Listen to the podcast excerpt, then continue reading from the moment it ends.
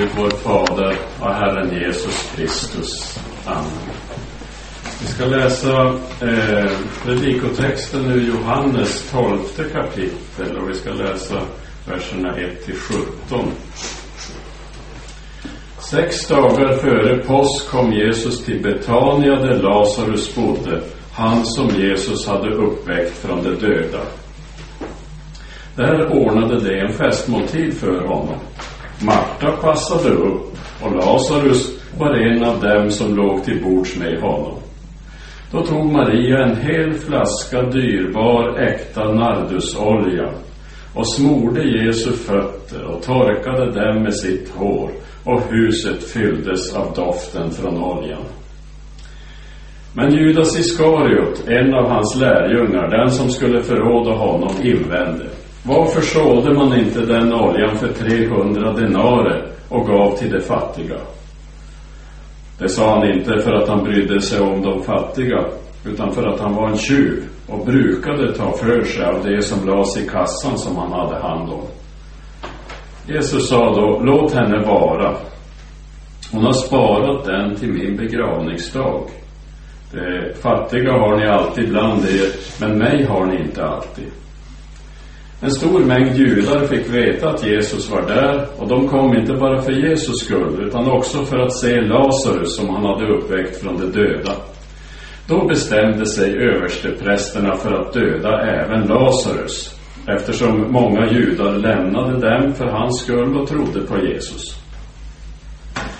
Nästa dag hade folk i stora skaror kommit till högtiden och när de fick höra att Jesus var på väg in i Jerusalem tog de palmblad och gick ut för att möta honom och de ropade Hosianna, välsignade han som kommer i Herrens namn, han som är Israels kung.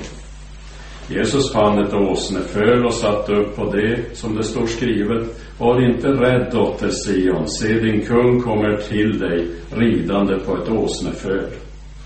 Hans lärjungar förstod först inte detta, men när Jesus hade blivit förhärligad kom de ihåg att det var skrivet så om honom, att man hade gjort så för honom. Alla som hade varit med honom när han kallade Lazarus ut ur graven och uppväckte honom från de döda vittnade nu om detta och många kom ut och mötte honom därför att de hörde att han hade gjort detta tecken. Då sa fariseerna till varandra, ser ni att ni inte kommer någon vart? Hela världen springer ju efter honom. Amen. Låt oss så be. Herre Jesus, låt ditt ord röra våra hjärtan så att vi blir omvända, så att vi omvänder oss från våra synder och tror på dig, du vår Herre och Frälsare. Och helga oss så att vi ger dig all ära och tjänar dig i kärlek. Amen. Ja, i den här texten så hör vi avskräckande exempel på hjärtats förhärdelse. Men vi ser också en underbar berättelse om hjärtats förnyelse. Hör ju om Marias tro och kärlek.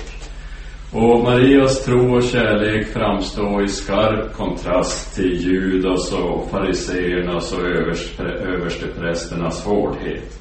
Och, och den kärlek och, och, och som vi ser tecken på hos Maria, det är en helgelse, den kärlek som Jesus väcker, eller den helige Ande väcker hos alla som förtröstar på sin frälsare. Eh, vi ska också se hur aposteln Johannes bevisar att Jesus är en gudomlig person, att Jesus är vår gudomlige frälsare. Eh, med två saker, två mäktiga bevis. Dels att han har uppväckt Lazarus från de döda, han har makt över döden. Dels att han uppfyller Gamla Testamentets profetier om Messias. Eh, men vi ska börja med allra första här, det här eh, med hjärtats förhärdelse. Det som vi ser särskilt tydligt hos eh, Judas här och det ska vi ta till oss som en allvarlig varning för synden. Även en, en synd som börjar som en liten synd blir någonting annat i slutet. Judas, eh, han hade blivit kallad som Jesu lärjunge. Så han hade följt Jesus, han hade lyssnat till Jesu undervisning. Han hade sett eh, eh, Jesus utföra stora tecken och under vid flera tillfällen. Och det borde ha rört hans hjärta så att han växte till hela tiden. Fick mer kunskap om andliga ting, växte till i tro och helgelse. Men, eh, och så, så hade han ju också fått, blivit kallad till, till ett högt ämbete. Han hade blivit kallad att vittna om Jesu frälsning för alla folk. Men istället för att bli utrustad för den höga uppgiften så genomgick han en annan utveckling eller avveckling, degeneration kanske man hellre skulle kalla det. Så han blev successivt hårdare och hårdare i hjärtat så att han till slut eh, slutade som en förrädare. Och Johannes han ger oss en vink om hur det hela började och, och vad som var mekanismerna bakom den här för, förhärdelsen. För eh, han berättar om Judas att han brukade ta det som lades i kassan som han hade om hand. Så när Judas blev kassör så gav det synden tillfälle också och, och, och synden han gav synden livsrum hos sig. Han började ta av pengarna som han hade om hand. Och vi får veta att han brukade göra så, så det var ju inte så att han tog pengar en gång och så ångrade han sig djupt. Utan han brukade göra så. Samtidigt vandrade han där med Jesus. Han hörde Jesu undervisning varje dag. Han hade säkert också, särskilt i början, samvetets röst som sa att det här var fel.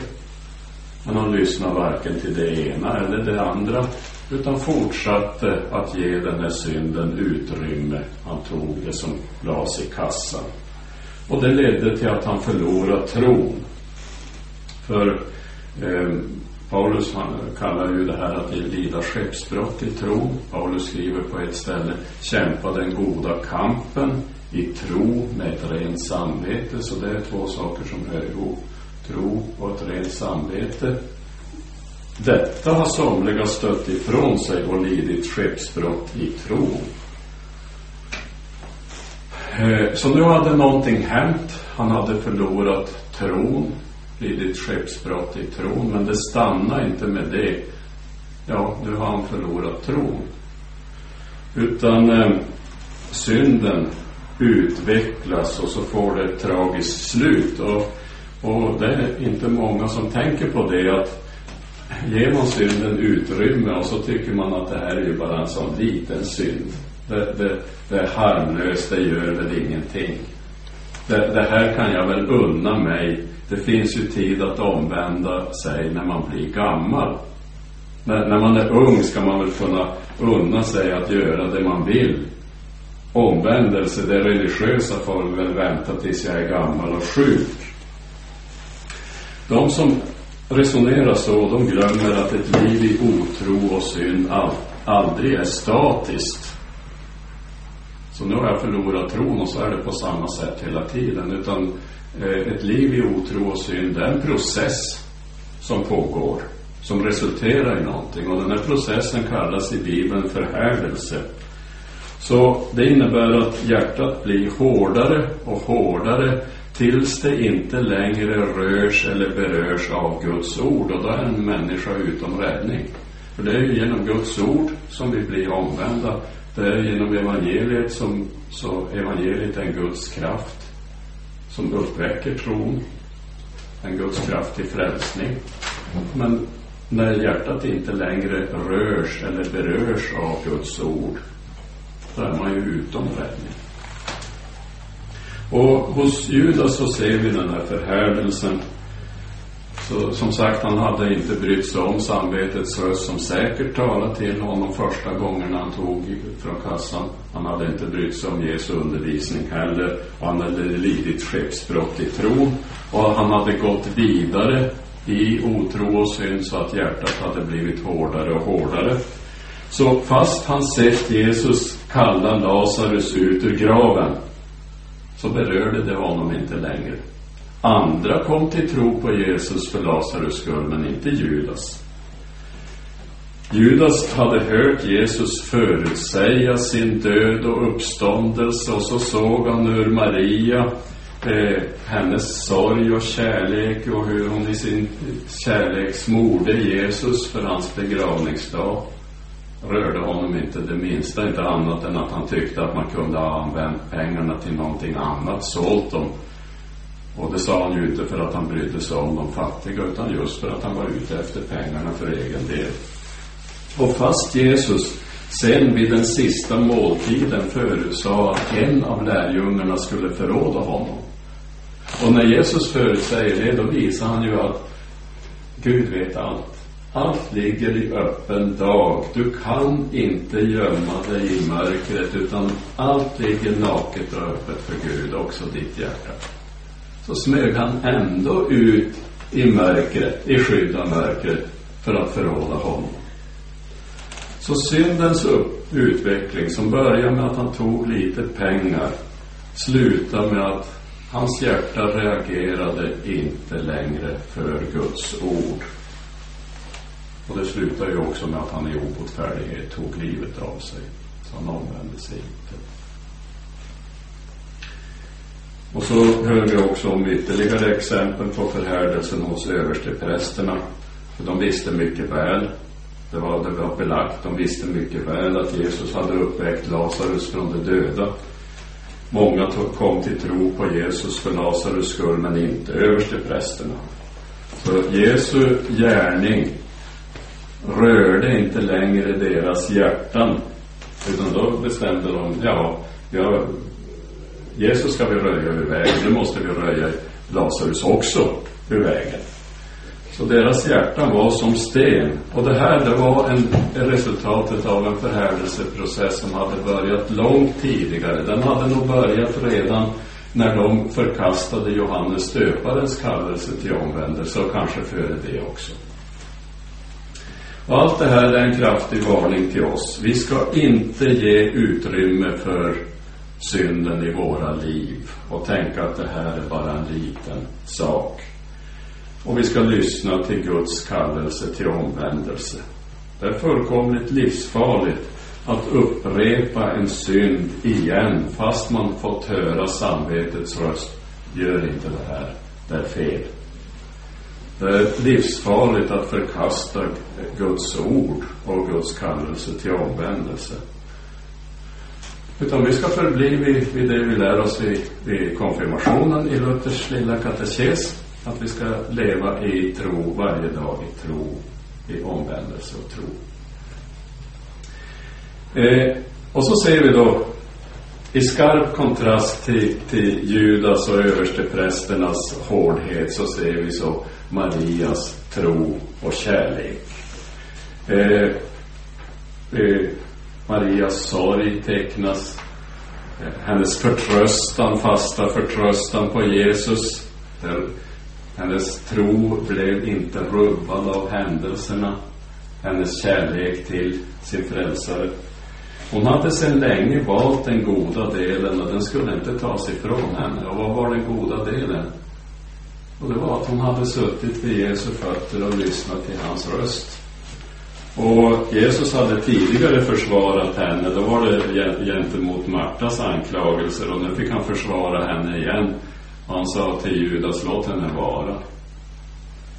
Eh, Maria hade bevarat Jesu ord i sitt hjärta. Och Marias kärlek vittnade om att hon hade tron och Jesus tog emot hennes hyllning.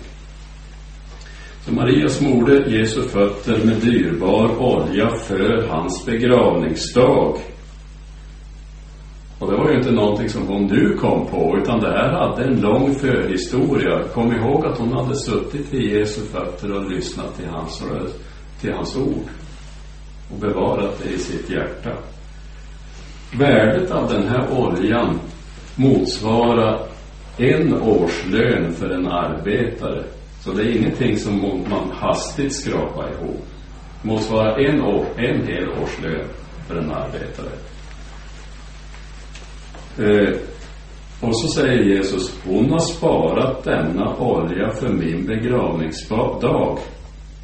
Så syftet sedan lång tid tillbaka var att hon sparat ihop den här oljan för hans begravningsdag. Och nu hade stunden kommit för att smörja honom.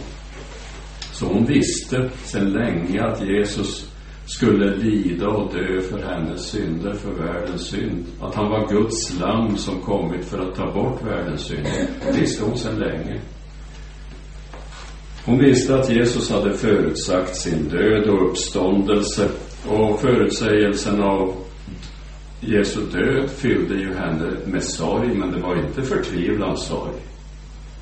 Utan en sorg eh, blandad med förtröstan. För hon förtröstade på Jesus som hade upp, uppväckt hennes bror Lazarus från de döda.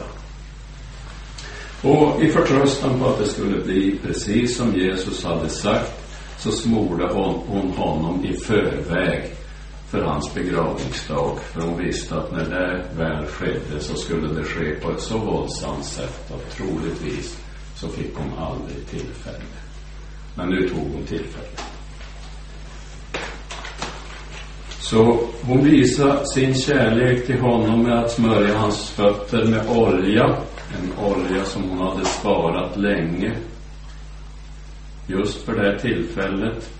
Hon torkade hans fötter med sitt hår och Jesus tog emot hennes gudstjänst. Det här just det här, den här effekten hos Maria, det är ju inget som, vi, som är unikt för henne, utan det, den här tron och kärleken, det är ju någonting som den helige Ande väcker hos alla som förtröstar på Jesus som sin frälsare. Så genom ordet verkar den helige Ande också i våra hjärtan, så att vi växer till i tro och kärlek, så att vi tjänar honom och ärar honom med ord och gärningar. Och det som kommer av tron, den hyllning som Jesus tar emot. Eh, Johannes, han visar också här hur Jesus är en gudomlig person. Och, och, och vi ser hur, hur, berättelsen om hur Jesus blev smord för sin begravningsdag och så berättelsen om hur Jesus rider in i Jerusalem. De två berättelserna, tänk er det som en tavla och så är ramen runt alltihop, det är referenserna till hur Jesus uppväckte Lazarus från de döda. Och det är ju en gudomlig gärning som visar att Jesus är en gudomlig person. Och så har vi också berättelsen om hur Jesus rider in i Jerusalem som visar att han kom för att uppfylla allt det som var förutsagt om Messias i Gamla Testamentets skrifter. Och det här är två mäktiga bevis på att han är vår gudomlige frälsare. Och Johannes han tar upp det här och, och tecknar ner det för oss för att vi ska tro att Jesus är Guds son, att han är Guds Messias och för att vi genom tron ska ha liv i hans namn. Och det kan ju verka som en paradox att Jesus som uppväckte Lazarus från de döda nu blev smord för sin begravningsdag. För om vi tar den person som har makt att uppväcka från de döda, hur kan det överhuvudtaget bli aktuellt att smörja en sån person för hans begravningsdag? Förnuftet kan inte förstå hur han som hjälpte andra inte hjälpte sig själv. Förnuftet förstår det inte. Och på korset så blev han ju också hånad för det. Så medlemmarna i Stora rådet sa ju, andra har han hjälpt, nu får han hjälpa sig själv om han är Guds Messias, den utvalde. Så de förstod aldrig det här. De förstod inte att det fanns en annan anledning till varför Jesus led och dog på korset. Att han inte steg ner. De förstod inte att han blev plågad för deras och hela världens synd.